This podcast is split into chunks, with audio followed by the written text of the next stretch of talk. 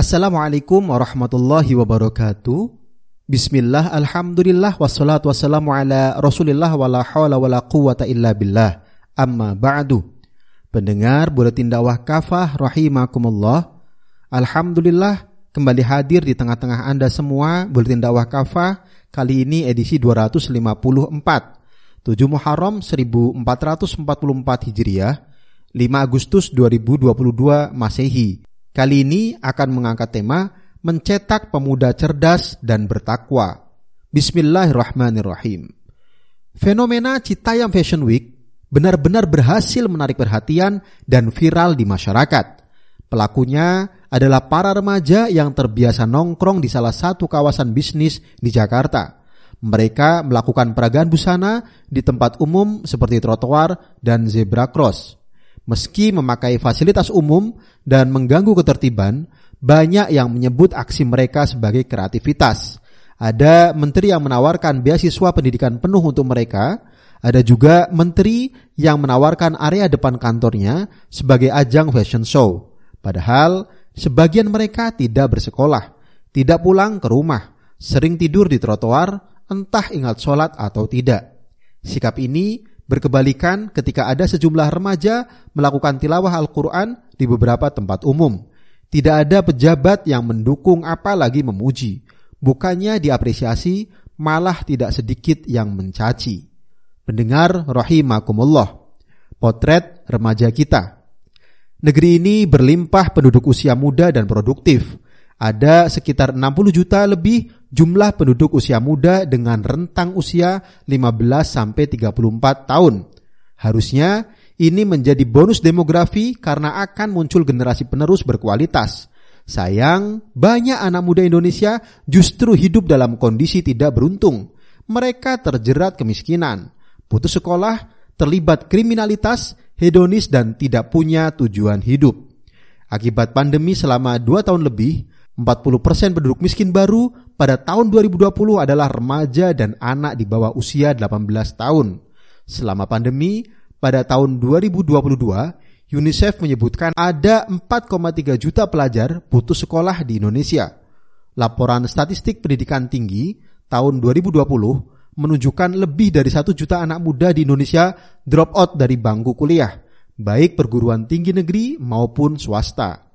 Remaja Indonesia juga banyak teracuni budaya hedonisme, memburu kesenangan fisik, hiburan, mencari materi, dan popularitas. Fenomena Citayam Fashion Week adalah gambaran para remaja yang mencari kesenangan dan popularitas. Meski datang dari kelas ekonomi marginal, para remaja itu ingin tenar di media sosial, seperti para pemuda dari keluarga kaya yang biasa hidup mewah. Karena sikap hedonis yang mencari kesenangan fisik, sebagian anak muda Indonesia juga tidak takut berhubungan seks sebelum nikah. Penelitian Rekit Bankisser Indonesia tahun 2019 terhadap 500 remaja di 5 kota besar di Indonesia menemukan 33% remaja pernah berhubungan di luar nikah. Di antara mereka ada yang berzina karena semata-mata mencari kesenangan bahkan tanpa perlu kenal pasangan mereka. Sebagian lagi karena terjun ke dunia prostitusi, baik pria maupun wanita, dengan alasan mencari kemewahan atau kesenangan saja. Ini belum ditambah lagi remaja yang terlibat LGBT.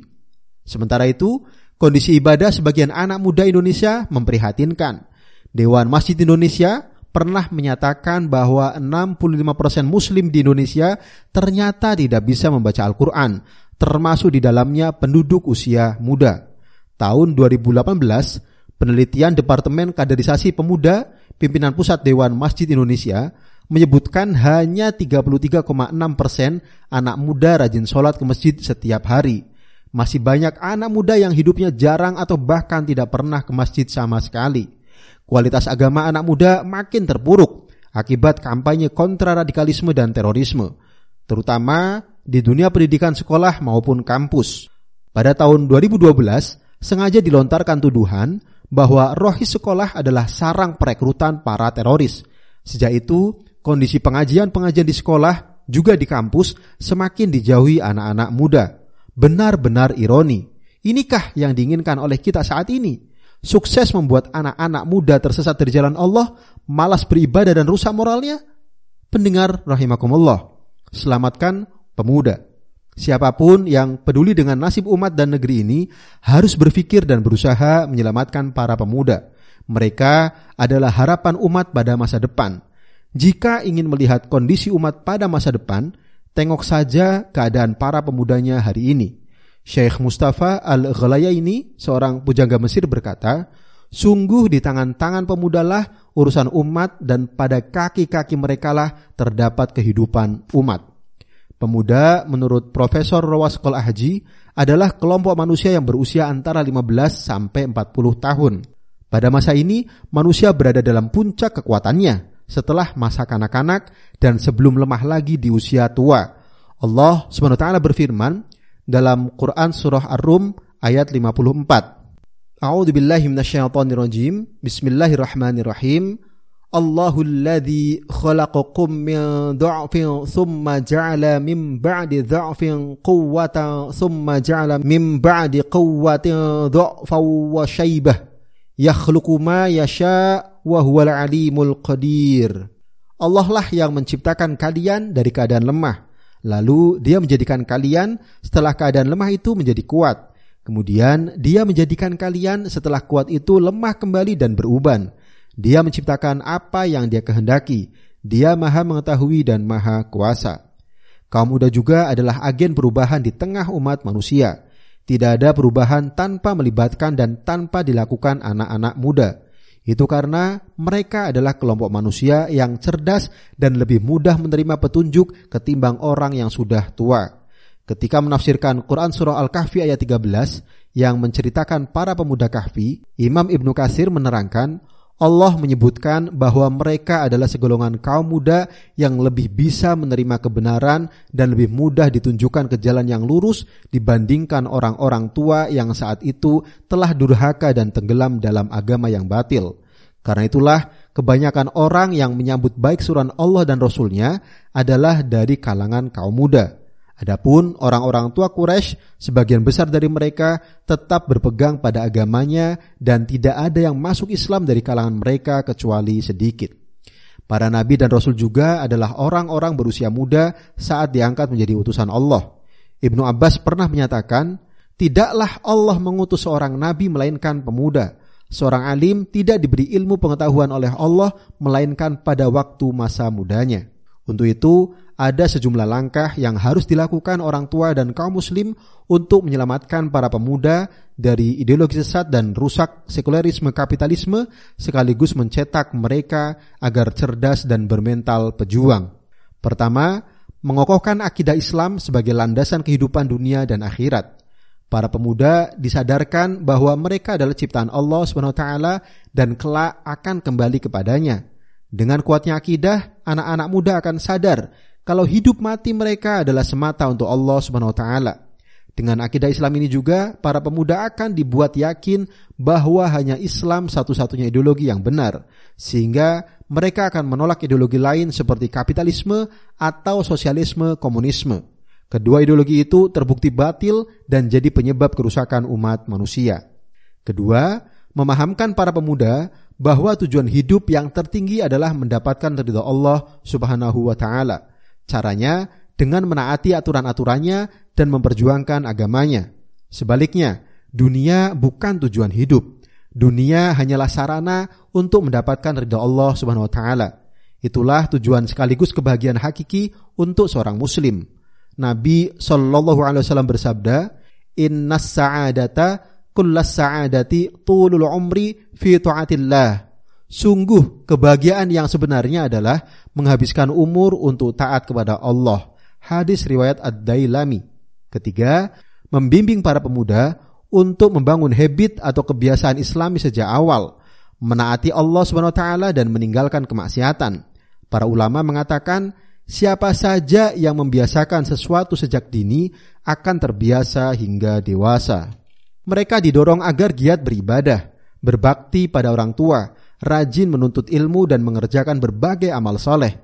Inilah pemuda yang dicintai Allah sebagaimana sabda Nabi sallallahu alaihi wasallam. Sab'atun yudhilluhumullahu fi dhillih yauma la dhilla illa dhilluh. Bi'ibadatillah. Ada tujuh golongan yang Allah naungi dalam naungannya. Pada hari tidak ada naungan kecuali naungannya.